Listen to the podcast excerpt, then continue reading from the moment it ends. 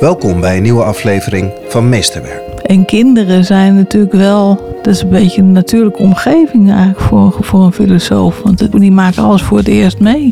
In deze aflevering ga ik op pad met Eva Vesseur, de initiatiefneemster van de vernieuwende basisschool Klein Amsterdam. Samen spreken we Hester IJsseling. Hester is lector professionaliseren met hart en ziel aan de Hogeschool Thomas More in Rotterdam. Hester laat zien hoe een onverwachte en op het eerste gezicht vaak onwerkelijke gebeurtenis een bijzondere pedagogische waarde kan hebben. En er zit ook altijd in die momenten iets verstopt van wat jij dan kennelijk heel belangrijk vindt. Dit is Meesterwerk. Hester IJsseling, wat fijn dat je er bent. Ik ben uh, groot fan van je. Dank je. Uh, en ik uh, heb het boekje Bezield en Bezielend Onderwijs echt met een brok in mijn keel gelezen. En ik ben heel nieuwsgierig naar je verhaal. En wil je ook graag vertellen, want je werkt bij het lectoraat professionaliseren met hart en ziel. Wat betekent dat? Ik moet altijd weer opnieuw nadenken wat, waar het nou precies over gaat. Hoe ik dat nou het beste kan vertellen. Maar je zou kunnen beginnen met die woorden van professionaliseren. Dat kan van alles betekenen. Het kan betekenen, je kunt op verschillende manieren professionaliseren. Je kunt zeggen, ik wil meer weten. Ik wil nog dingen lezen en bestuderen en kennis vergaren. Of je kunt zeggen, ik wil bepaalde vaardigheden die ik nog niet zo goed uh, beheers, die wil ik, uh, daar wil ik mee gaan oefenen. Dus dat is meer de technische kant van, van het onderwijs. Maar er wordt vaak gepraat hè, over kennis en vaardigheden. Dus je ziet altijd die twee zo langskomen. Maar ik denk dan altijd, er mist nog iets. Ja. Eigenlijk is wel de rode draad in, in alles wat ik doe. Altijd van, ik zoek altijd naar, wat ik, ik mis altijd iets en dan wil ik daar iets mee doen. En wat is dat dan? Ja, dat, dat zit dan weer in dat hart en die ziel. Ik denk van ook als je heel veel weet en heel veel kan, dan, komen, dan gebeuren er af en toe dingen in de klas. Heel vaak eigenlijk. Dat je denkt, ja, ik heb eigenlijk nu even niet zo heel erg veel aan al die kennis en al die technieken die ik beheers. Maar ik moet wel wat doen nu. Al is het maar niks doen. Hoe weet je dat dan? En vooral, hoe kun je daar beter in worden om daar de juiste beslissingen te nemen? En ik denk dat dat zit in, uh, in een soort gevoel. Dat zeggen leraren ook vaak. Ja, dat doe ik op mijn gevoel. En dan zijn er mensen die zeggen, ja, dat is vaag. En dan denk ik, ja, dus denk ik toch nog wel wat meer over te zeggen. Over wat dat dan is, dat gevoel. Hm. En wat ik mooi vind aan het woord hart, van het hart dat, dat symbool van het hart. Dat, is dat het geen wetenschappelijk woord is. Dat vind ik al meteen sympathiek eraan. Ik bedoel, dat bestaat al duizenden jaren, dat woord. En dat gebruiken mensen nog steeds. Dat gaat maar aan het hart. En daar hoef je helemaal niet zoveel over te zeggen. Dan begrijpen mensen ongeveer wat je daarmee bedoelt. En ik denk dat het hart, dat dat symbool staat voor een soort gevoel van, van dat er, gebeurt iets en dan denk je, ja, dit wil ik of nee, dit wil ik niet. Dit is niet goed. Ik kan het nog niet uitleggen, maar volgens mij is dat niet goed. Ik moest nog van de week, was wel grappig, er was uh, dat gesprek uh, met Obama van Tommy Wieringa. En die had het daar ook over. Die zei van volgens mij, something tells me, zei die, uh, dat er iets is in mensen waardoor ze weten wat goed is en wat niet goed is. En toen zei hij van ja, ik kan het niet bewijzen, maar ik denk wel dat er zoiets is. En, en daar leef ik naar en daar handel ik naar. En toen zei hij, dat is eigenlijk, ja, dat, dat kan niet bewijzen, maar dat is een leap of faith, zei hij. En dat werd ondertiteld, dat vond ik wel grappig, als speculaties. Dat vond ik heel typerend. Ik dacht, ja, dat is echt Nederlands om dat dan ja. met speculaties een beetje af te serveren. Zo van, ja, dat is gewoon vage praat. Dan denk ik, ja, dus wel, misschien is het wel vage praat, maar dat betekent wel iets. En uh, ja, wat betekent dat dan? Dat je, ik denk van, je, je, er zijn dingen die je ervaart en die je niet kunt bewijzen dat ze zo zijn, maar die toch van betekenis zijn. En dan kan je zeggen, ja, daar kunnen we het niet over hebben. Want we kunnen het niet aantonen dat het er is en we kunnen het niet in kaart brengen, we kunnen het niet verklaren, we kunnen het niet voorspellen. Dus daar gaan we het verder niet meer over hebben. En dan denk ik, dan gaat er iets mis, volgens mij. En als, als we nu iets missen in het onderwijs, en ik denk dat heel veel mensen denken, de manier waarop er nu beleid gemaakt wordt, de, de, dat schampt telkens langs iets wat toch wel heel belangrijk is. Dan denk ik dat het, dat, dat het daarover gaat. Wat ik zo, zo mooi vind ook aan de woorden die je op papier geschreven hebt, het straalt ook een enorme rust uit. Dus je hebt er wel overwogen over nagedacht. En, maar je, je, je geeft ook aan dat je zelf leerkracht bent geweest op een school met Mhm. kinderen. Mhm. In hoeverre was je toen je in de praktijk ook bezig was met deze vragen bezig? Of zijn die toen opgekomen en heb je ook de rust gezocht en gevonden om, om te gaan onder, onderzoeken? En ik stel de vraag omdat ik ook, en Eva werkt natuurlijk ook op een school, je kan zomaar gekaapt worden ook door de dagelijkse drukte. Dus om afstand te nemen en je deze mooie vragen in stilte aan te kijken, heb je ook even iets nodig. Dus zijn deze, van waar je verlangen naar deze rust en vraag en was je er toen ook mee bezig? Ja, zeker. Ik was er zeker mee bezig. Wat ik wel eigenlijk heel snel merkte, is dat ik, dat ik het heel erg vermoeiend vond in de klas. Nou ja, misschien even heel kort biografietje, zeg maar. Mhm. Ik heb na mijn middelbare school filosofie gestudeerd en toen ben ik daarin gepromoveerd. In 97, dus dat is al heel lang geleden. En toen ben ik nog postdoc geworden in Nijmegen. En toen ik daar postdoc, toen dacht ik, ik waar ben ik eigenlijk mee bezig? en ik zit op een trein, maar ik wil eigenlijk helemaal niet daar naartoe waar die trein naartoe gaat. Daar wil ik, ik hoef daar helemaal niet te zijn. Dus laat ik, laat ik uitstappen. En toen ben ik eh, de Pabo gaan doen. En, en iedereen, nou niet iedereen, maar veel mensen verklaarden mij wel voor gek. Zo van, huh, je hebt een, gewoon, het gaat gewoon heel goed met die filosofie. En je, je zit gewoon op een goed spoor en je hebt die plek. En, en dan geef je dat gewoon op. En ook vrouwen die dan zeiden, ja, er zijn allemaal zo weinig vrouwen in de academische wereld. En eh, je, je bent eh, bij, bij wijze van spreken verplicht om... om Voor ons, dat ik- ja. ja, maar ik, ja, ik leef toch voor mezelf ook. Hm? Wat was het dan dat je daaruit wilde? Dat je, eh, welke trein zat je in waar je uit wilde? Nou ja, dat, dat, dat voert misschien een beetje ver. Maar ik, mijn voorbeelden waren eh, Samuel IJsseling. Dat is mijn oom. En die was hoogleraar in Leuven. Ook in de filosofie. En ik had een hoogleraar aan de UvA waar ik filosofie studeerde. Dat was Cornelis Verhoeven. En dat waren mijn voorbeelden. Maar dit, ja, die waren van een andere generatie. En een hele andere academische cultuur hebben die meegemaakt. En die konden eigenlijk gewoon hun eigen ding doen. En dacht ik, ja, dat wil ik ook. Dat, zo ben ik begonnen. Wat zij doen, dat wil ik ook. En ik denk dat ik dat ook, dat ik dat, dat wel goed had gekund ook. Maar inmiddels was eh, hoogleraar zijn, was, eh, dat, dat is inmiddels een soort management, managementbaan. En die, die publicatiedruk en dat het allemaal in het Engels moet. Op zich, ik kan best goed Engels, maar ik wil gewoon in mijn eigen taal filosoferen. Die taal is zo belangrijk. Dus ik dacht, ik, pff, en, en, dan, en bovendien was natuurlijk de hele flexibilisering. Hè? Dus het was ook nog zo van, nou, dat wordt tot, minstens tot je 45ste stof eh, vreten voordat je een keer een vaste aanstelling ergens krijgt. Ja. En ik dacht, ik had inmiddels een leuke man ontmoet. Ik dacht, ik wil ook gewoon een gezin stichten en, eh, en een beetje rustig ademhalen en niet de hele tijd stressen van mag ik nog blijven. Bovendien vind ik dat ook heel slecht voor, voor, voor vrije wetenschap. Dat je de hele tijd toch een beetje moet pleasen. En uitgeleverd bent aan hoogleraren of die jou wel eh, goed gezind zijn. Dus ik dacht, ik heb er helemaal geen zin meer in. Kap ermee. Ja.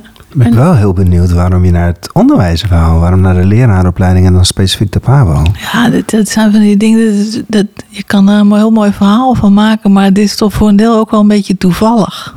Ik, eh, ik deed toen aan Afrikaans dansen. En in die groep zaten heel veel juffen.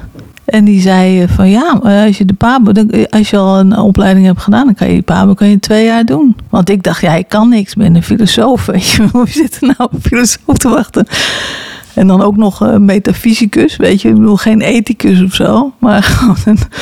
Dus ik dacht, ja, ik zal toch nog een vak moeten leren als ik nu iets anders wil gaan doen. En kinderen zijn natuurlijk wel... Ja, die, dat zijn een soort natuurlijke... Dat is een beetje een natuurlijke omgeving eigenlijk voor, voor een filosoof. Want die, die, die zien alles, die maken alles voor het eerst mee. Dus dat is, dat is leuk. Die, die, die vragen de gekste dingen, daar hebben ze vragen bij. Of van, ja, maar eh, ja, dan moet ik nu vooral denken aan iets wat, wat een van mijn dochters zei. Dat we op de pont stonden hier in Noord, Amsterdam-Noord. En dat zo het water en dan zo die lucht erboven. En dat ze zei, water en lucht, rijmt dat ook? Want het is ook zo boven elkaar. Nou, dan denk je, dat is een schitterende observatie. En dat kom je in de klas, kom je ook dat soort dingen tegen. Maar je vond het ook intens, zei je Ja, net. ja dus, dus ik ging de pabo doen. En toen dacht ik nog, ik vond de pabo niet zo leuk. Nee? Want het- nou, nee. Ik weet niet hoe dat nu is.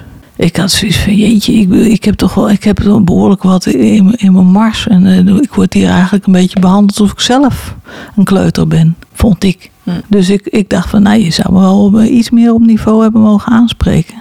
Maar ik dacht, nou ja, die Rijsberg moet ik door en dan mag ik straks voor de klas. Dat dacht ik, zo heb ik het eigenlijk gezien. Van, nou ja, dat moet je nu even doorstaan. En dan. Weet je dat nog, de eerste dag voor de klas? Ja, ik moest, even, ik moest even nadenken. Ja, dat was best wel heftig. Ja? Want ik wilde heel graag beginnen. Dus, en ik, was, ik, ik heb het in Utrecht gedaan, de PABO. Want daar kon je toen in februari beginnen. Want ik had het in de zomervakantie natuurlijk ergens onder een olijfboom bedacht. Van ik ga, ga wat anders doen. En toen dacht ik, ja, in september lukt nu niet meer. Maar ik wilde ook niet nog een heel jaar wachten. Dus toen heb ik het maar in februari gedaan. Dus daar was ik naar Utrecht gegaan. Dus ik was ook in zo rond die tijd klaar. Dus toen ben ik in januari na de kerstvakantie in een groep 7 begonnen. Op een dependance ergens van een school. En ja, waarom kon ik daar beginnen? Natuurlijk omdat er twee andere mensen al op, afgeknapt waren op die groep. Dus dat was niet zo slim eigenlijk. Omdat, ja, ik wilde gewoon te graag. En dat ging ook helemaal niet goed. Nee, dat was meteen bijna weer het einde van het avontuur. Maar goed, het is toch goed gegaan.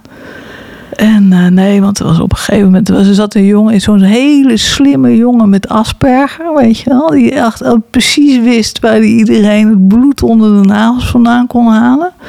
En dan zo'n heel heet gebakerde Surinaamse jongen, een boom van een kerel. En die vlogen elkaar op een gegeven moment natuurlijk gewoon in de haren. En ik zat op de dependance en de juf van groep 8 die ernaast zat, die was naar gym. En ik was gewoon alleen. En ik dacht, ik, ik bedoel, ik moet er bijna op gaan zitten op die, op die Surinamer. Anders dan, eh, dan, eh, dan kunnen we de ambulance gaan bellen. Dus dat, eh, toen was het eigenlijk al, toen, ja, toen dacht ik, nou, jongens, dit, die ben ik niet tegen opgewassen. Nee, mooie start. Maar je bent hier best lang gebleven. Ja, zeker. Nou, het was goed dat die, die schoolleider het ook wel zag. Van, nou, dat was misschien toch niet helemaal netjes om, dat- om jou dat eh, te laten proberen. Dus toen heb ik de rest van het jaar bij, bij een groep 3 meegelopen, zeg maar, als soort assistent. En het jaar daarna ook groep 3 gedaan. Dat vond ik hartstikke leuk. Ja, want dat lag je aan meer, toch? Ja, het middenbouw vind ik, vind ik leuk. Zo drie, vier, vijf. Dat vind ik echt heel leuk. Dus dat, eh, ik vind het heel leuk als ze kunnen schrijven of bijna. Ja. Dat is natuurlijk, ja, dat is gewoon Taal. mijn, dat is mijn Ja. ding. En als ze beginnen te puberen, dan vind ik het ingewikkeld. Dan ben ik, ik heb niet genoeg humor. Of meer, ja, moeten mensen altijd lachen maar nee, maar nou ja, je, je, je kent het misschien wel. Je moet toch een soort, met een kwinkslag. Ja, als ik nou heel eerlijk ben, dan denk ik, ja, ik voelde me gewoon niet, niet op mijn gemak. Ik voelde, me- was een beetje bangig. Nou, ja, als ze dat helemaal geroken hebben, dan ben je nergens. En in die middenbouw was jij, was jij nog, ook nog filosoof, terwijl je leerkracht was? Wat bedoel je met die vraag? Wat, wat, wat, wat bedoel je dan? Nou, waar heb jij, jij, jij, je hebt een hele carrière als filosoof eh, Mhm. gehad, metafysicus. En je gaat ineens voor de klas. Dus je staat daar bij die groep drie. Eh, nam je dat mee? Is dat iets wat je... Jawel, ja. Nou, ik weet bijvoorbeeld wel dat ik, dat ik met die kinderen dan wel over had. Van er is een tijd geweest dat er helemaal niemand kon schrijven. Dat hebben ze op een gegeven moment uitgevonden, dat schrift. En daarvoor was dat gewoon niet. Dus dat vind ik dan wel leuk om met ze over te hebben. Ja. Dat er ook andere soorten schrift zijn. Dus dat wij hebben allemaal letters voor klanken, maar dat is niet altijd zo. Er zijn ook talen waar je plaatjes hebt voor of of. Dus dat vond ik altijd wel leuk. En ik heb ook wel een periode gehad dat ik eh, echt probeerde te filosoferen met de groep, maar dat vond ik lastig. Want eh, ja, dat, je kan dat eigenlijk alleen doen met mensen die het willen. En in een klas zitten natuurlijk niet. Er zitten altijd mensen die willen het niet. Dus eh, dat is sowieso, vind ik altijd wel, vind ik wel een uitdaging met een klas hoor. Dat je altijd dingen moet doen met z'n allen. Terwijl dan denk ik, ja, het is nooit Ja. iets wat iedereen leuk vindt. Nou, ook wat jij net vroeg, eh, dat, dat, dat beschouwende, zeg maar, dat kon ik inderdaad in de klas. Lukt dat? Dat kan bijna niet. Je, moet gewoon ontzettend in het hier en nu zijn en heel ad rem reageren. En, en dus ik was vaak helemaal aan het eind helemaal, van de dag helemaal gesloopt. Want dan had het zeg maar een soort van, van soort accumulatie van dingen waar ik over na had willen denken. Maar ja, dat kon niet. Dus dat moest dan daarna allemaal nog gebeuren. Dus ik, ik heb ook nooit fulltime voor de klas gestaan. Ik heb altijd van meet af aan part-time. Op een gegeven moment dacht ik van, ik denk gewoon niet dat dit echt is wat ik moet doen. Want het kan gewoon niet zo zijn dat het zo vermoeiend is. Dan, dan, dan, dan, dan is het misschien ook niet voor jou. En toen heb ik op een gegeven moment eh, nog een, een, training gedaan bij, bij, de, bij de vakbond. Van op zoek naar ander werk heet die. En ik dacht, nee, het moet, het moet toch nog iets anders zijn. En toen kwam ik er eigenlijk achter dat ik toch wel heel erg, dat ik me heel erg eh, verbonden voelde wel met het onderwijs. Dus ik dacht, ja, toch, toch is het niet zo dat ik nou weer iets heel anders moet gaan doen. Maar ik moet wel misschien iets anders gaan doen in dat onderwijs. En als je een heel brede vraag stelt, wat is, wat is voor jou het onderwijs? Ja, het is eigenlijk de plek of een plek naast, naast thuis. Waar kinderen begeleid worden op hun weg eh, naar, naar, naar volwassenheid. Dus om, om een plek in de wereld te, te vinden van nou, hier wil, dit, hier, wil ik wel, hier wil ik me de rest van het leven mee bezighouden. Of, of, of op dit moment mee bezighouden. En daar heb je dingen voor nodig. Dan, is het handig als je kan lezen en als je kan schrijven en als je kan rekenen. En als je een beetje wat dingen, wat dingen weet over de wereld. En een beetje met andere mensen om kan gaan ja, ja je, weg, je weg in de wereld vinden, zeg maar. Dat, daar gaat het om volgens mij. En daar helpen je ouders hopelijk ook bij. Maar, uh, En vanuit jouw rol nu, heb je daar heb je voor jezelf een pedagogische opdracht? Ja, zeker.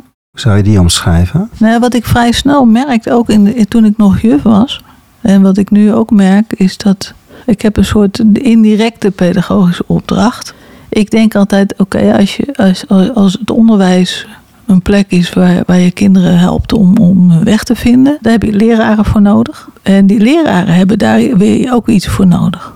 Nou ja, dan ga ik toch. Ik, ik, ik hou nooit zo van name dropping. Maar, maar nou ja, we zijn volgens mij allemaal uh, hier aan tafel uh, fan van Gert Bista. Om het maar even zo uit te drukken. Of in ieder geval laten ons daardoor inspireren. En die heeft dan dat, dat over subjectivering.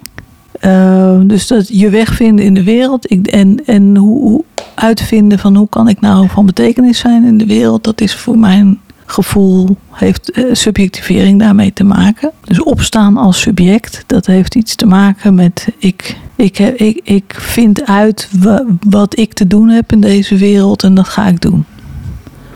Als je daar kinderen mee wil begeleiden, dan moet je, dat zelf, moet je zelf ook een subject zijn een subject zijn, dat is niet iets wat je zomaar komt aanwaaien. Daar moet je wel wat voor doen. En als ik nu kijk naar, naar uh, hoe leraren worden opgeleid, dan denk ik dat, dat we daar wel wat meer aandacht aan zouden mogen besteden. Aan, aan het, de leraar als subject. Ja. Dus uh, als we dan weer helemaal teruggaan naar professionaliseren met hart en ziel. Dan denk ik, we zijn vooral heel erg bezig met, met, met, met studenten op de PABO kennis bij te brengen over allerlei dingen over factoren die van invloed zijn op de ontwikkeling van kinderen, of over uh, uh, klassenmanagement, of over uh, allerlei stoornissen die kinderen kunnen hebben en hoe je daar het beste mee om kan gaan, of culturele verschillen. En er zijn allerlei technieken die je leert. Maar wie ben jij nou en wat denk jij nou dat je bij te dragen hebt in deze wereld? En in de, in de, in de onderwijspraktijk in het bijzonder. Ja, ja om, nou, dus ik, ik kan niet zeggen, daar, daar is geen aandacht voor. Dat is natuurlijk niet zo. Maar er is een bepaald soort aandacht voor.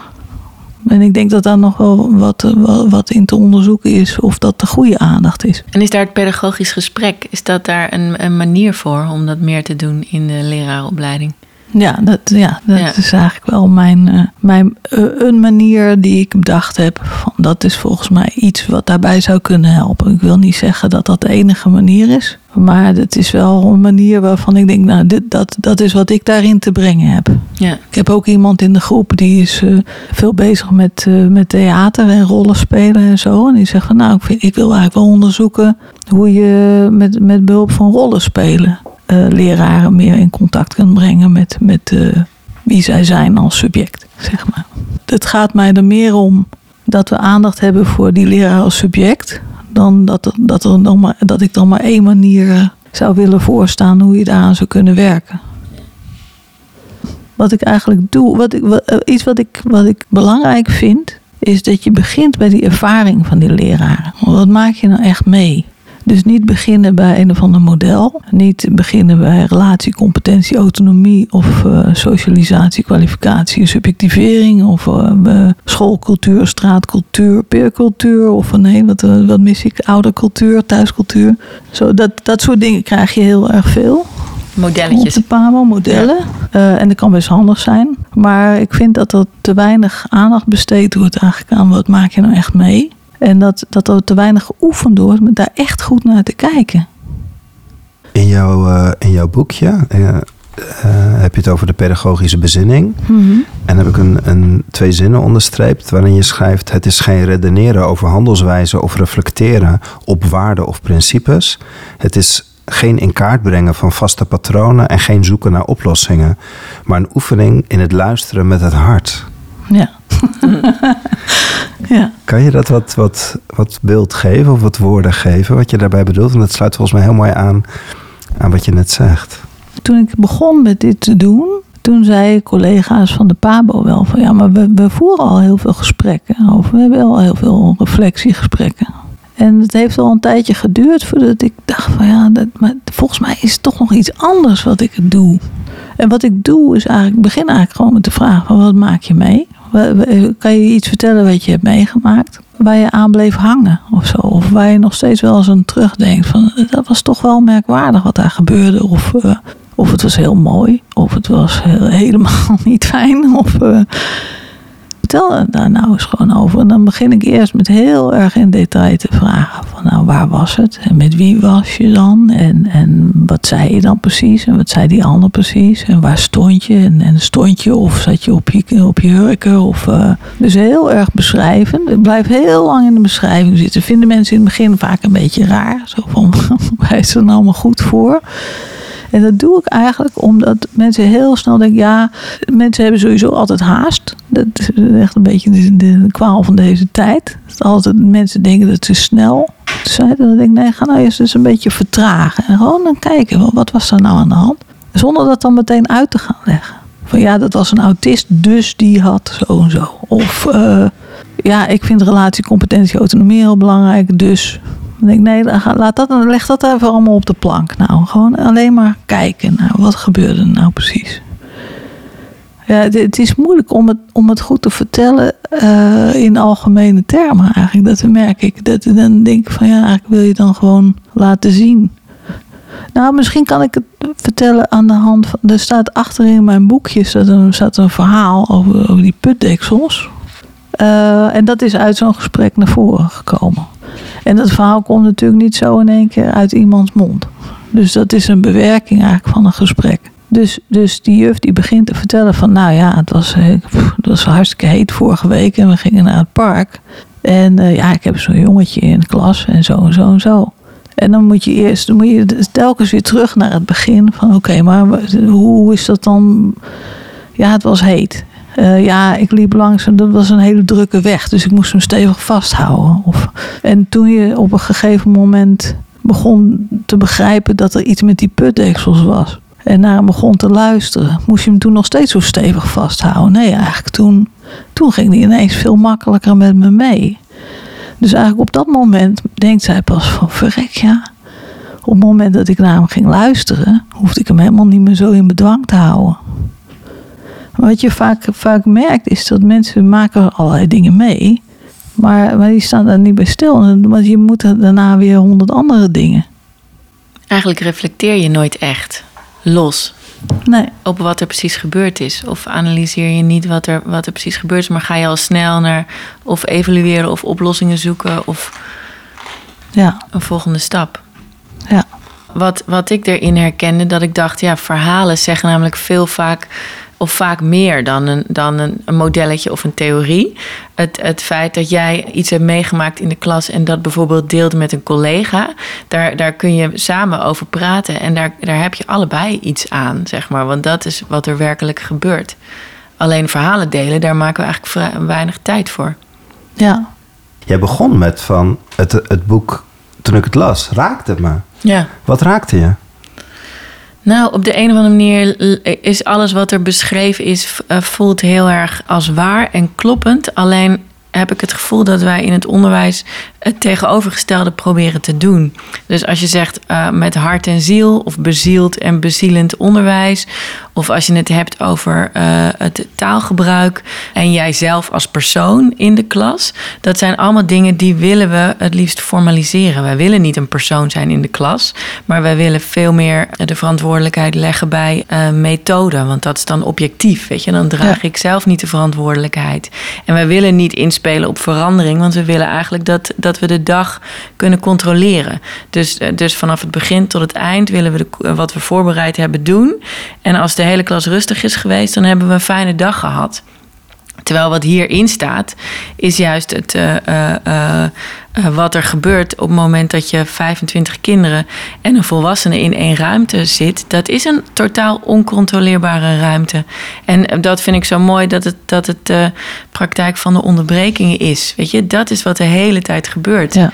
Want je bent met z'n allen mens. Ja, dat is precies wat ik belangrijk vind. Dat ik denk, die, ik, ik wil eigenlijk steeds inderdaad tegen, een tegenbeweging of iets naast die, die, die neiging, die hang naar modellen en, en, en structuren plaatsen. Niet om te zeggen we moeten helemaal af van modellen of structuren, want dan, dan als we dat allemaal kwijt zouden zijn, dan zou ik misschien wel een lectoraat willen vullen met uh, we moeten meer structuur erin, Ja. want het, het is oeverloos. Maar het- we zijn gewoon doorgeschoten volgens mij in de, in de controledrift. En op dit moment is denk ik echt heel erg belangrijk om te zeggen: ja, maar dat zijn geen bijzaken, dat is de kern. Ja. En ik, ik weet bijvoorbeeld dat ik een keer in een, in een gesprek ook van iemand hoorde dat er iemand kwam observeren bij een les. En er gebeurde iets heel heftigs in die les. Maar dat was in, de observatie, in het observatieverslag niet teruggekomen. Want ja, dat was een soort van zijspoor van die les. Dat ik denk van ja, waar zijn we dan mee bezig? Dit is, dat is lesgeven, dat je daar dan op in kunt spelen. En hoe doe je dat dan? Ja, maar dat, en dat vraagt enorm eh, eh, eh, verbinding. Een soort constante verbinding met, met de ander. Maar ook bijna een soort van. Heet dat vingerspitsengevoel. Ja, precies. Ja. Ja, en die is niet te vatten. Want je kan ook, zeg maar, de manier waarop we nu werken, eh, is ook een soort van eh, schijnzekerheid. Want dat we denken dat we dingen kunnen meten en met cijfers kunnen vangen. Hmm. Waardoor we denken dat we weten dat we het goed doen. Maar feitelijk is het, is het wat ik ook wel mooi vond om te lezen, is dat, dat je eigenlijk alleen maar de goede intentie kan hebben. Mhm. Toch? Ja, ik weet, ik weet even niet waar ik dat zeg. Maar Nou, ergens heb je het over de- dat je niet, je hebt geen controle over het resultaat. Je weet eigenlijk nooit precies waar, je, waar het kind terecht zal komen. nee. Dat kan, daar kun je niet op inzetten. Maar je, je, kan, hem alleen maar uitnodigen en- Ja. of hem om een, een verlangen geven. Ja, dat doet me trouwens denken aan. Ik, ik heb dus van de week geluisterd naar dat gesprek met jou. Daar kwam iets in voor. Dat je, ik denk dat jij vertelde over iets wat jij tegen een student had gezegd. En dat je het zelf was vergeten. En dat je die student later tegenkwam. En zij zei van, moet ik nou nog sorry zeggen? Ergens over. Ik weet niet meer precies. Maar in ieder geval, jij had iets tegen haar gezegd. Waar ik weet nu niet meer wat het was. Maar ik weet wel dat ze vertelde. Het gaat eigenlijk om het voorbeeld van je zegt als leraar of als docent soms dingen tegen je studenten die vormend zijn. Zonder dat jij dat op dat moment bedacht van nu ga ik iets tegen je zeggen wat jij de rest van je leven zal onthouden. Nee, dat, dat weet je helemaal niet. En kun je wel, zou je op de Pabo wel kunnen leren hoe je bewuster misschien vormend kunt zijn? Nou, ik denk om te beginnen dat, dat, je, dat je meer in contact zou kunnen staan met dat gevoel van hier gebeurt iets belangrijks. En ik moet nu even hier voorrang aan geven. Terwijl als je heel erg op de beheersing zit, dan denk je, ja, dit, dit kan ik er nu niet bij hebben. Ja, moet je kop houden, want ik ben nu met mijn les bezig en ik heb me iets voorgenomen. En dit kan ik er nu niet bij hebben. Niet dat het, eh, dat, ja, nou ja, dit is weer een beetje kort door de bocht natuurlijk. Maar je snapt wat ik bedoel, denk ik. Dat zo, zo iemand die een lesobservatie maakt en dan gewoon die één onderbreking daar gewoon buiten laat. Terwijl ik dan denk van nou, ik ben eigenlijk wel heel benieuwd hoe die leraar dan reageerde op die onderbreking. Want volgens mij komt daar zijn professionaliteit bij uitstek in tot uitdrukking. Ja, dus ik denk door, door regelmatig stil, stil te staan bij die momenten van onderbreking die, die jou geraakt hebben of die jou op de een of andere manier uh, bij zijn gebleven. Dat je daardoor uh, dat vingerspitsengevoel waar, je, waar jij het net over had, dat je dat, dat wel kunt ontwikkelen. Ja. En er zit ook altijd in die momenten iets verstopt van wat jij dan kennelijk heel belangrijk vindt. Als, je het zo helemaal, als, je, als ik jou gewoon rechtstreeks vraag wat vind jij belangrijk, dan kom je misschien met iets. Maar als ik eerst helemaal die omweg maak door dat ene moment, dan, dan is dat ineens niet meer gewoon een, een kreet, maar dan is dat ook echt helemaal doorleefd. Van ja, dit, dit is echt waar het voor mij om gaat in het onderwijs. Ja. En Ja, dat is voor iedereen fysiek. iets anders ook. Je hebt eh, een paar hele mooie citaten ook in het boekje staan. En deze eh, liet ik vanmiddag in, eh, zien in mijn team. En toen moesten de twee mensen die kregen er tranen van in hun ogen van. En misschien, ik kan hem wel even voorlezen. Misschien dat je er dan iets over wil vertellen. In welke context die geplaatst is. Het is van Leonard Cohen. Ik ken de melodie niet. En dat scheelt misschien. Want ik hoorde dat het niet het mooiste nummer is. Maar het citaat is: Ring the bells that still can ring. Forget your perfect offering. There's a crack in everything. That's how the light gets in. Ja, wat, wat, ik, wat ik er mooi aan vind is dat, dat het. We, we, we zijn soms geneigd om te denken van het moet perfect zijn. Of in ieder geval bijna perfect. Dat is toch het streven. Terwijl hij zegt van ja, vergeet, vergeet nou maar die perfect offering. Het zit, het zit hem juist in die barst die, die, die, die erin zit. Want daar, daar is de ruimte. Terwijl als het perfect zou zijn, dan zouden die kinderen op geen enkele manier tevoorschijn kunnen komen in, in dat samenspel in de klas. Het is precies waar die, waar die barsten zitten. Daar, daar, daar kunnen die kinderen ook ineens aan jou verschijnen op een manier dat je denkt: hé, hey, dat had ik achter jou niet gezocht. Zijn dat onderbrekingen ook? Ja, Maar dat kunnen net zo goed heel positieve onderbrekingen zijn, Ja, toch? De zeker. dingen die je verrassen. Ja. Hoewel het, het, het valt mij vaak wel op dat, dat die mooie dingen heel vaak volgen op iets wat, wa- waarvan je eerst dacht van... ah shit, maar dit wil ik niet, dit wil ik echt niet. Die wil ik niet in mijn klas of ik wil niet dat je zo doet... of ik wil niet dat dit gebeurt. En vaak als je daar dan toch voor openstelt en denkt... oké, ik ga nu niet heel hard de andere kant op rennen... maar ik ga hier gewoon aanstaan... dat er dan juist hele bijzondere dingen gebeuren. Dus dat kan je ook oefenen, denk ik. Dat je als er iets gebeurt dat je denkt van, oh, maar dit wil ik niet. Dat je dan even tot tien telt en denk je, ja, oké, ik, ik wil het wel niet. Maar ik ga het toch maar wel gewoon aan. Ja, ja, dat vond ik ook nog een interessante vraag. Want als je het hebt over die eh, onderbrekingen en daarmee omgaan steeds, en dat maakt je eigenlijk sterker als eh, leerkracht. Wanneer weet je dan of je het goede doet? Hmm. Nee, dat weet je niet. Nee. Nee, Eh, een collega die zei, ik vond het een mooie zin, die zei, het goede zit in het zoekende. Dus het- je weet het niet, maar dat je het je afvraagt, heb ik daar nou goed aan gedaan? Dat, dat, dat, is, dat vind ik wel een teken van professionaliteit. En dat is belangrijk, denk ik, om te benadrukken. Ook omdat, omdat dat niet is wat, wat mensen nu denken dat er van ze verwacht wordt. Veel, veel mensen denken dat ze zich zekerder en stelliger voor moeten doen dan ze zijn. Ik denk wel eens dat dat een ontzettende stressbron is. Dat je de hele tijd de indruk moet wekken dat je in control bent. Ja. Terwijl je natuurlijk, ja, er is natuurlijk niemand in control.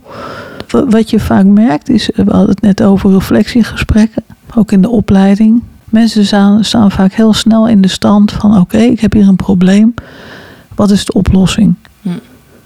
En als ze het zelf niet weten, dan praten ze met andere mensen en die gaan ze dan tips geven. Dus dan denk ik, volgens mij is de vraag helemaal niet wat de oplossing is. De vraag is van hoe, ga je, hoe verhoud je je hiertoe en hoe ga je dit aan? Bijvoorbeeld dat een precair onderwerp, maar nu de, de, het, het gedoe rond de spotprenten en de vrijheid van meningsuiting en zo.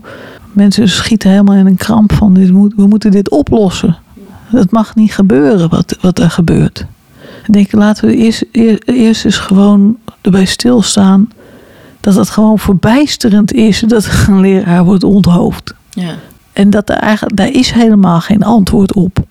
Het is bijna godslastelijk, zeg maar, om te suggereren dat er iemand is die daar een antwoord op heeft. Het is gewoon niet te bevatten. Laten we dat voorop stellen. Maar ik denk niet dat het echt helpt om nu bijvoorbeeld eh, de vrijheid van meningsuiting, om daar een soort net zo in beton gegoten dogma van te maken als het verbod op, op het bespotten van de profeet. Denk, volgens mij komen we dan niet echt nader tot elkaar. Dat is ook niet echt het aangaan van de problematiek. Denk, zo simpel is het helemaal niet. Dat wij moeten staan voor de waarden die voor ons. Denk ik, nee. Dit, dit is, het is heel ingewikkeld. Dit, ik, ik denk wel dat, dat dat hameren op van ja, de vrijheid van meningsuiting, eh, daar, daar mag je helemaal niks over zeggen. Want dan ben je, dan ben je niet een van ons. Dan denk ik, nou, volgens mij, dat, dan zit je in een soort paradox gevangen, volgens Ja. mij. Ja. Ja, dan kun je beter starten bij de erkenning van de complexiteit. En dan verder gaan zoeken. Ja, iemand in mijn onderzoeksgroep die doet hier precies onderzoek naar, naar maatschappelijk controversiële kwesties in de Mhm. klas. Dat is Pieter Boshuizen, die, komt, die zit in mijn groep. Die had een hele mooie casus naar boven gehaald. Naar aanleiding van de vorige de aanslag op Charlie Hebdo in 2015. Had hij een gesprek ge- gevoerd met een juf die de dag daarna de klas in moest. Groep 4. Maar toch, ja, toch veel kinderen uit islamitische gezinnen. Dus dat, ze, ze dacht toch van ja, het zou toch wel ter sprake kunnen komen. Ook al zijn die kinderen nog heel jong. En dan is er inderdaad een van die kinderen die heeft dat inderdaad gezien eh, op het nieuws. En, eh, maar er zijn ook kinderen die hebben niks gezien. Maar er zijn toch ook veel kinderen die, die, die zijn toch een beetje in zitten een beetje in de knup ermee. Want die denken, ja, het is verschrikkelijk wat er is gebeurd. Maar mijn ouders vinden het ook heel erg dat de profeet bespot wordt. En kijken mensen nou ook naar ons alsof wij ook dit soort dingen zouden doen. En mogen wij wel boos zijn over het bespotten van de profeet? Dan denk ik, ja, dan kom je echt in de buurt van hoe ingewikkeld het is. En hoe besteed je daar dan aandacht aan in groep 4? Want dat is echt, dan kies je de taal en, de, eh, eh, en het onderwerp ook heel zorgvuldig. En zeker als je zelf dat niet weet. Want je bent zelf als leerkracht, weet je vaak ook niet precies hoe je zo'n gesprek aan moet gaan, wat je ervan denkt of hoe je erbij voelt. Ja, ik heb daar nu niet meteen een antwoord op ik hoe, het, maar ja, ik- hoe je daarmee omgaat. Heb je daar zelf eh, ervaring mee? Nou, ik, nee, wel een beetje een worsteling. Dat ik denk, er zijn natuurlijk ook nu veel. eh, eh, corona maakt ook veel emoties los. En eh, eh, ook in, het, in veel onderwijsteams. En, ik, en het, is to- het voelt toch complex dat op het moment dat je er middenin zit en zelf of angstig bent of eh daar slecht van slaapt. Als je dat eh, de klas inbrengt, ben je ook wel bang dat, dat, eh, dat, je, dat je een soort van veiligheid of een soort vertrouwen van de kinderen. of dat je dat misschien in gevaar brengt. Ja, Terwijl we je eigen ongemak in de klas brengen is makkelijker op het moment dat het ongemak verdwenen is. ja, als je er overheen bent. Terwijl als je er middenin zet, hoe, hoe doe je dat dan? ja. Nee, dat is, dat is natuurlijk ook ingewikkeld. Ja. Of verwacht jij nu van mij een antwoord? Dan? Ik hoopte dat. Weet je, ik denk, als ik me voorstel dat ik in zo'n situatie zou zijn, en ben natuurlijk ook zelf wel in dat soort situaties geweest, is dat je heel erg goed probeert te voelen wat er in, de, in het hier en nu gebeurt. En, wat, en heel goed te kijken naar die, naar die koppies allemaal in die klas. En, van, en dat zijn, het, het zijn allemaal verschillende mensen natuurlijk, al die kinderen. En de een die zit nergens mee en de ander wel. Dus daar is geen recept voor.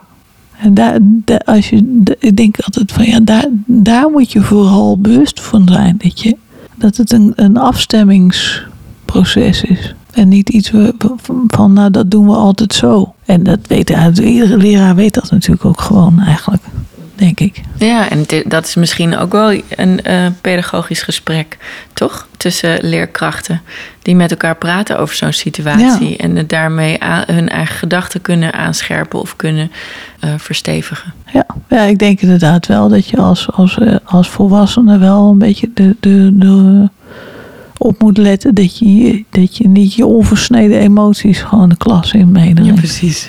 Dat, dus je moet wel je een beetje, een beetje terughouden, zeg maar. Het gaat ook helemaal niet over jou. Dus, en dat is ook echt een belangrijk verschil. Dus, je, je probeert wel dicht bij die kinderen te zijn, maar je hebt wel echt een hele andere rol natuurlijk dan die kinderen. En die kinderen mogen wel gewoon emotioneel zijn. En dan kan je ze wel zeggen van nou, de manier waarop je dit nu uit vind ik toch niet helemaal handig. Maar dat is, daar, daar ben je dan ook, dat is ook jouw vormende rol dan, denk ik. Dat je, dat je een beetje weerstand biedt tegen bepaalde dingen. Dus ik weet dat in die casus waar ik net over vertelde, dat een van die kinderen, die is ja, voor voorkomen terecht dat die mensen afgeknald zijn omdat ze, ze hebben de profeet beledigd. Dan gaat zo'n juf natuurlijk daar wel over in gesprek van. Eh, Ben je er bewust van dat, eh, dat, dat je daarmee mensen wel heel veel pijn doet, ook met zoiets te, zomaar te roepen? Moet je dan niet eerst eens even rustig over nadenken of je dat wel moet roepen? Mooi. En jezelf een vraag stellen. Ja. Want er staat ook een citaat van Remco Kampert nog Mhm. in het boekje. Jezelf een vraag stellen, daarmee begint verzet. En dan die vraag aan een ander stellen. Ja, dat is een mooi, vind ik heel mooi, mooi citaat. Zo, zo is het bij mij eigenlijk gewoon ook begonnen. Dat ik, de, ik, ik, eh, ik, ik, had de PABO gedaan, ik was in de klas. En ik dacht heel snel, dat ik dacht van, hé, maar waar het allemaal over gaat op studiedagen en zo. Volgens mij moet het heel ergens anders over hebben. Waarom heeft niemand het daarover? En eigenlijk pas toen ik eh, dat werk van Gert Bies daar vond, toen dacht ik van ja, en eindelijk is iemand die het heeft over waar we het volgens mij eens over zouden moeten hebben. Dat was voor mij echt wel een ontdekking. Dat ik dacht, nou, dat, dat was echt een, een, een ontbrekend geluid. En je kan van, van Biestra nog van alles zeggen. En ik vind het niet altijd. Ik vind het altijd een beetje jammer dat hij het allemaal zo ingewikkeld opschrijft. Dat ik denk, dat is bijna niet te doen voor, voor een normaal mens om dat door te spitten, zeg maar. Het is toch best wel moeilijk opgeschreven allemaal. Maar ik denk dat hij dat hij aandacht vraagt voor iets ontzettend belangrijks. Ja.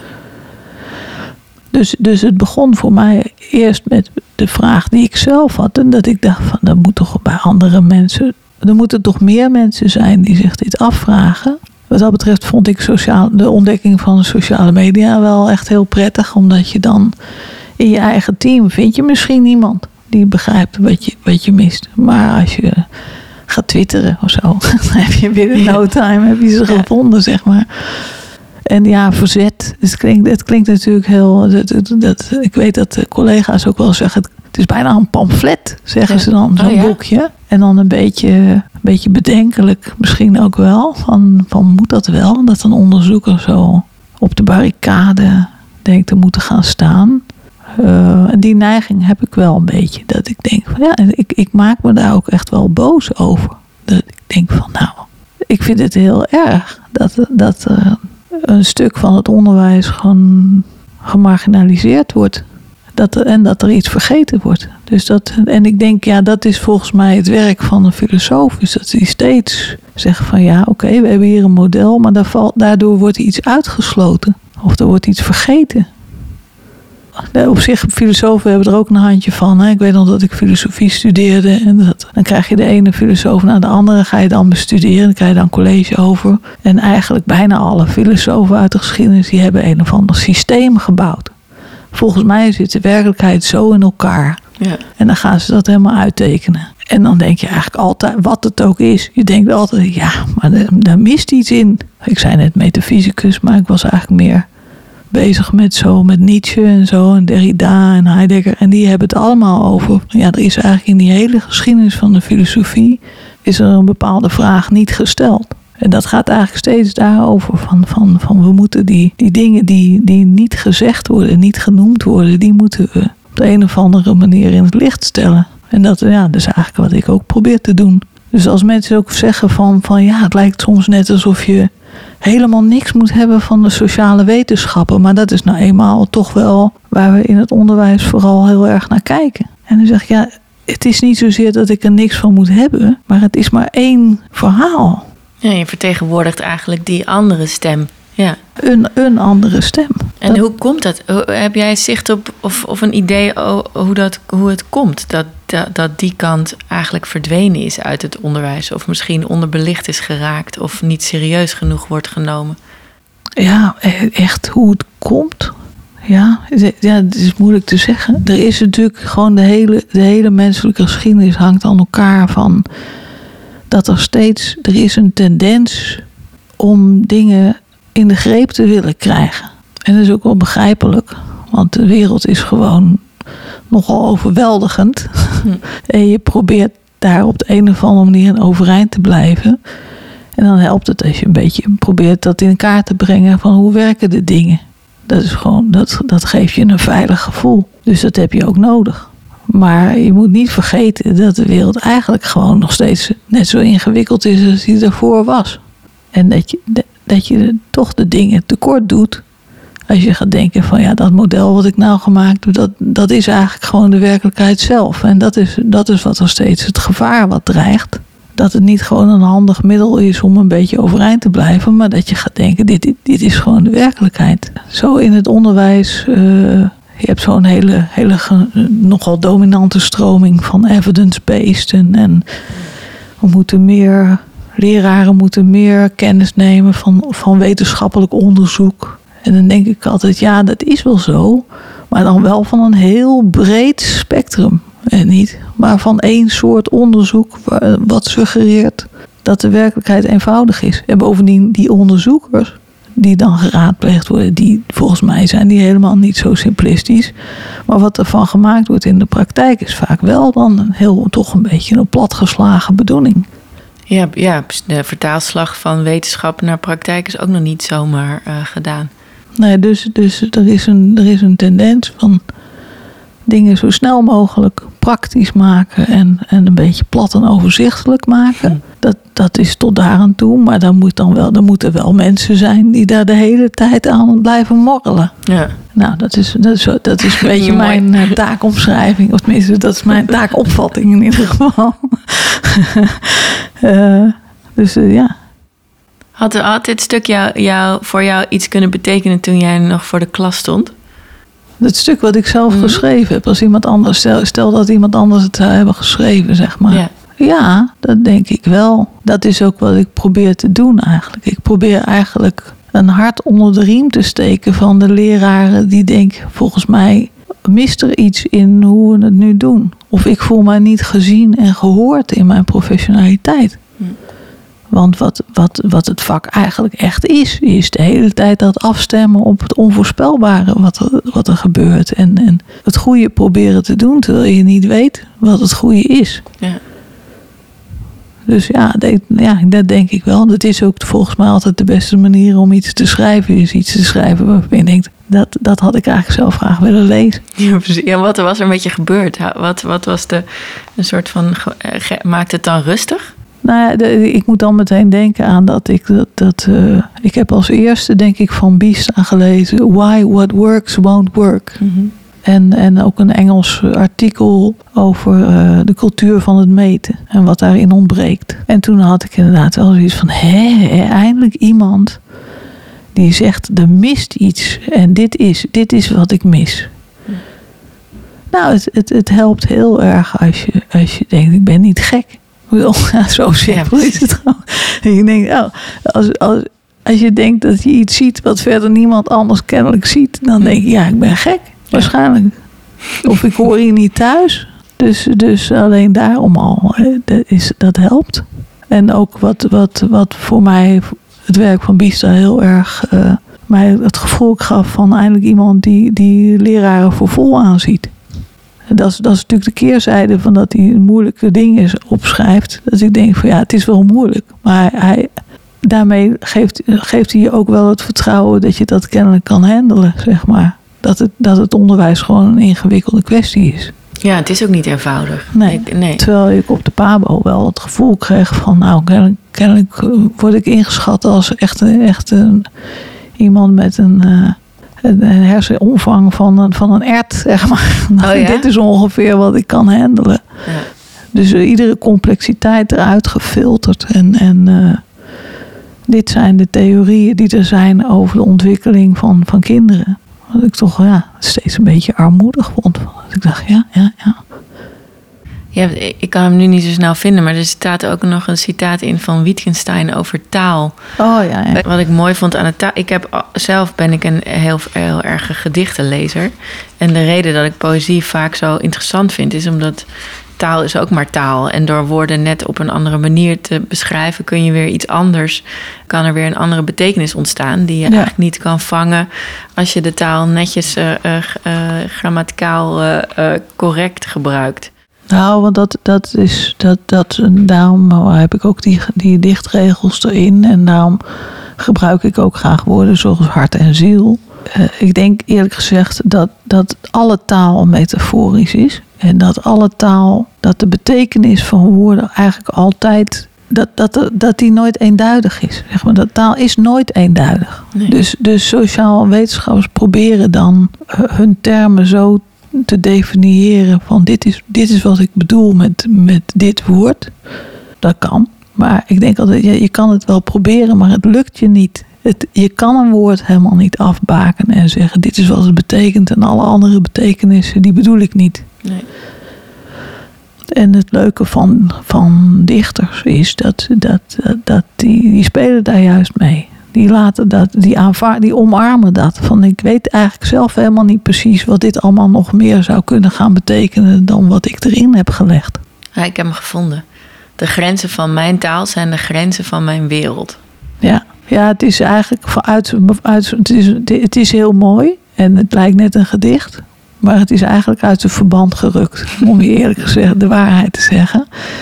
Volgens mij bedoelt Wittgenstein er iets anders mee dan, dan wat ik ermee wil zeggen. En wat heel, heel veel mensen die dit citaat gebruiken ermee willen zeggen. Maar wat ik, ik laat Wittgenstein dan even voor wat hij is. Die is ook niet de baas over wat die zin betekent. maar voor mij betekent het inderdaad van ja, dat, dat, de, de manier waarop je dingen zegt, die zijn van invloed op, op hoe, hoe je met de dingen omgaat ook. ik had toevallig van de week nog gesprek met iemand en die zei ja, dat is een semantische discussie. Zo van ja, dat doet er niet toe. En dan denk ik ja, nee, maar dat, dat is juist heel erg belangrijk. Het is ontzettend belangrijk als je het hebt over werkdruk en je wil daar iets aan doen. Of je dan zegt dat je het rendement van je medewerkers wil optimaliseren. Dat is niet onschuldig, zo'n uitspraak. En dat, en dat doet iets met mensen, met die medewerkers. En dan voel je je niet gezien als mens. Als je, als je rendement moet worden geoptimaliseerd. Dan voel je je een machine die output moet leveren. En uh, dat, dat wordt volgens mij heel erg onderschat. Het is wel een beetje beter geworden, maar uh, die economische taal van opbrengsten en, en input, output, optimalisatie, dat is natuurlijk allemaal, denk ik, we zijn toch in vredesnaam mee bezig. Dat je, we hebben het over onderwijs, over kinderen, over mensen die met mensen werken. Ja, je pleit eigenlijk voor dat, je, dat, dat meer zinnen als dit raakt me. Of dat, dat die zinnen eigenlijk, die, die zijn nu vaak onbelangrijk. Omdat, er, omdat, het geen, uh, omdat het misschien weinig effectief is. Weet je, er zit nog geen oplossing in. Maar, maar dit raakt me is natuurlijk wel een, een kan echt een uh, essentieel iets zijn bij, bij, die, uh, bij dat pedagogisch gesprek. Ja, zeker, zeker. Ik, ik, dat is eigenlijk ook waar, waar ik meestal begin. Van vertel eens iets wat je hebt meegemaakt, wat je heeft geraakt. En, en je hoeft voor mij helemaal nog niet precies te weten waarom het je heeft geraakt. En, hoe je, en wat je ermee gaat doen ook niet. Maar kijk er gewoon eens heel goed naar. Wat, wat is dat dan daarin wat jou zo raakt? Stel, ik luister nu naar deze podcast en ik ben leerkracht. En morgen uh, ga ik weer naar school in de ochtend. En ik ga uh, mijn uh, groep of mijn ruimte voorbereiden en klaarzetten. Zou, heb je, zou jij iets willen, willen meegeven? Ja, dat zou ik willen meegeven. Nou, probeer, probeer heel goed met, met al je zintuigen en open open mind en open heart, zeg maar, in die, in die klas te staan. Maar dat, ik denk eerlijk gezegd eigenlijk niet dat dat nodig is hoor, voor de meeste leraren om ze, dat, om ze daartoe aan te sporen. Want ik denk dat de meeste leraren dat doen. Wat ik, wat ik misschien eerder voor aan het einde van de dag zou willen meegeven kijk eens terug op je dag en, en, denk eens van waar heb ik nou gedacht van ja, dat was, dat was heel mooi wat daar gebeurde. En waar heb ik nou gedacht, nou dat was, dat was niet zo fraai. Dat, was toch niet, dat is toch niet zoals ik zou willen dat het ging. En, en kijk dan ook vooral ook heel erg naar jezelf. Van wat heb ik daar nou gedaan?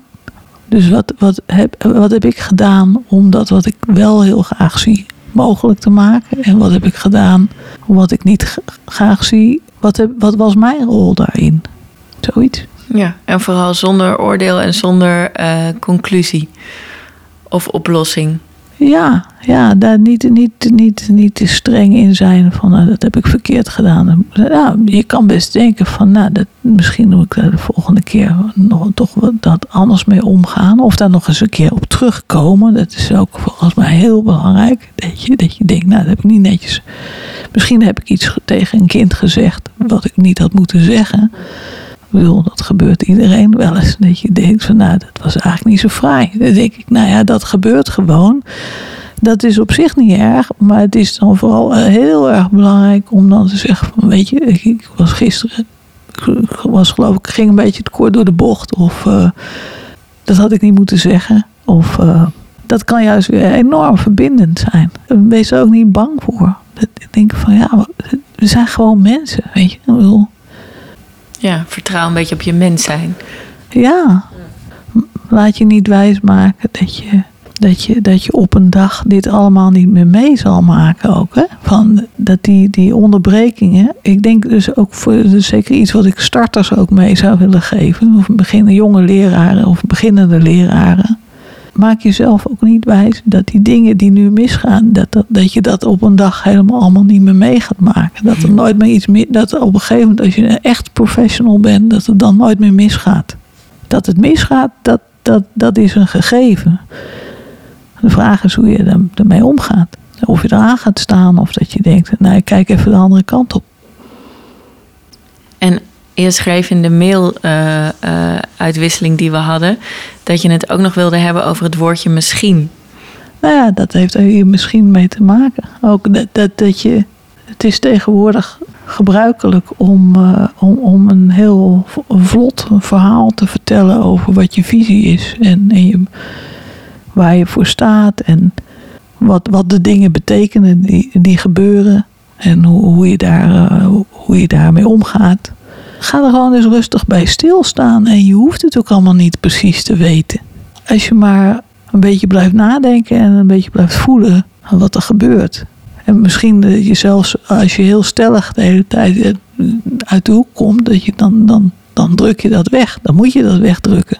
Dus zoals eh, wat ik net ook zei, van die collega zei, het goede zit in het zoekende. Ja. Niet, niet in het zekere weten. Ja, misschien, misschien had ik dat toch anders aan moeten pakken. Bijvoorbeeld. Als je dat nou eens aan het eind van de dag af en toe jezelf toe zou kunnen geven. In plaats van, ja, die kinderen van tegenwoordig, die zijn niet opgevoed. Of uh, die studenten, die hebben geen manieren. Of, uh, nee, misschien, misschien zou ik zelf ook wel iets anders kunnen doen. Hm. Misschien is dat ook wel de reden dat onze honger naar het weten zo sterk is.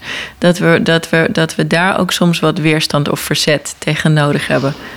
Je hebt in de filosofie, heb je, ik zei net al van je hebt heel veel systeembouwers, zeg maar. Van filosofen die zeggen, nou de wereld zit zo in elkaar. Maar je hebt ook een, aantal filosofen, en dat gaat al heel ver terug. Dat is gewoon bij Heraclitus, dat is al voor Socrates. Dus dat is echt iets van, nou, helemaal precies weet ik het niet, maar eeuwen, echt ik denk iets van de zesde, zevende eeuw voor Christus of zo. En die, die, zei, die zei al van alles stroomt. Dus er is eigenlijk niks wat vast is. En dat, je hebt af en toe zo in de geschiedenis van de filosofie weer iemand die daar de nadruk op legt. Ook bij Nietzsche is dat heel sterk. En dat was, daar ben ik heel lang mee bezig geweest met Nietzsche. Dat hij zegt van ja, eigenlijk, eigenlijk is de werkelijkheid is, is, is een, iets wat continu in beweging is. En daar kunnen wij niet zo goed tegen. Dus dan maken we daar iets van wat vast is. En op die manier kunnen we ermee omgaan. Maar eigenlijk, want we gaan er eigenlijk gewoon aan kapot als we het helemaal zien zoals het echt is. Of nou, zoals het echt, ja.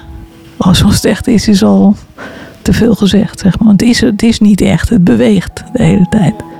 Ja, cultuur is toch een poging ook om er grip op te krijgen. Ja, ja nou, en ik, ik, ik denk dan van, je kunt er op een manier grip op krijgen. Of een beetje met de golven mee surfen, zeg maar. op een, op, een, op een bewegelijke manier of op een hele starre manier proberen dat helemaal in te kaderen. Dus je hebt wel iets van een structuur nodig, maar ik denk een, een hele open structuur, zeg maar. Ja, precies. Niet overal een stoplicht. Nee. ik denk dat we dus een beetje wel zijn, denk je niet? Ja, hè? Meer podcastafleveringen van Meesterwerk zijn te beluisteren via Spotify, iTunes, Soundcloud of kijk op janjapubeek.nl. Hoe dan ook, tot de volgende aflevering van Meesterwerk.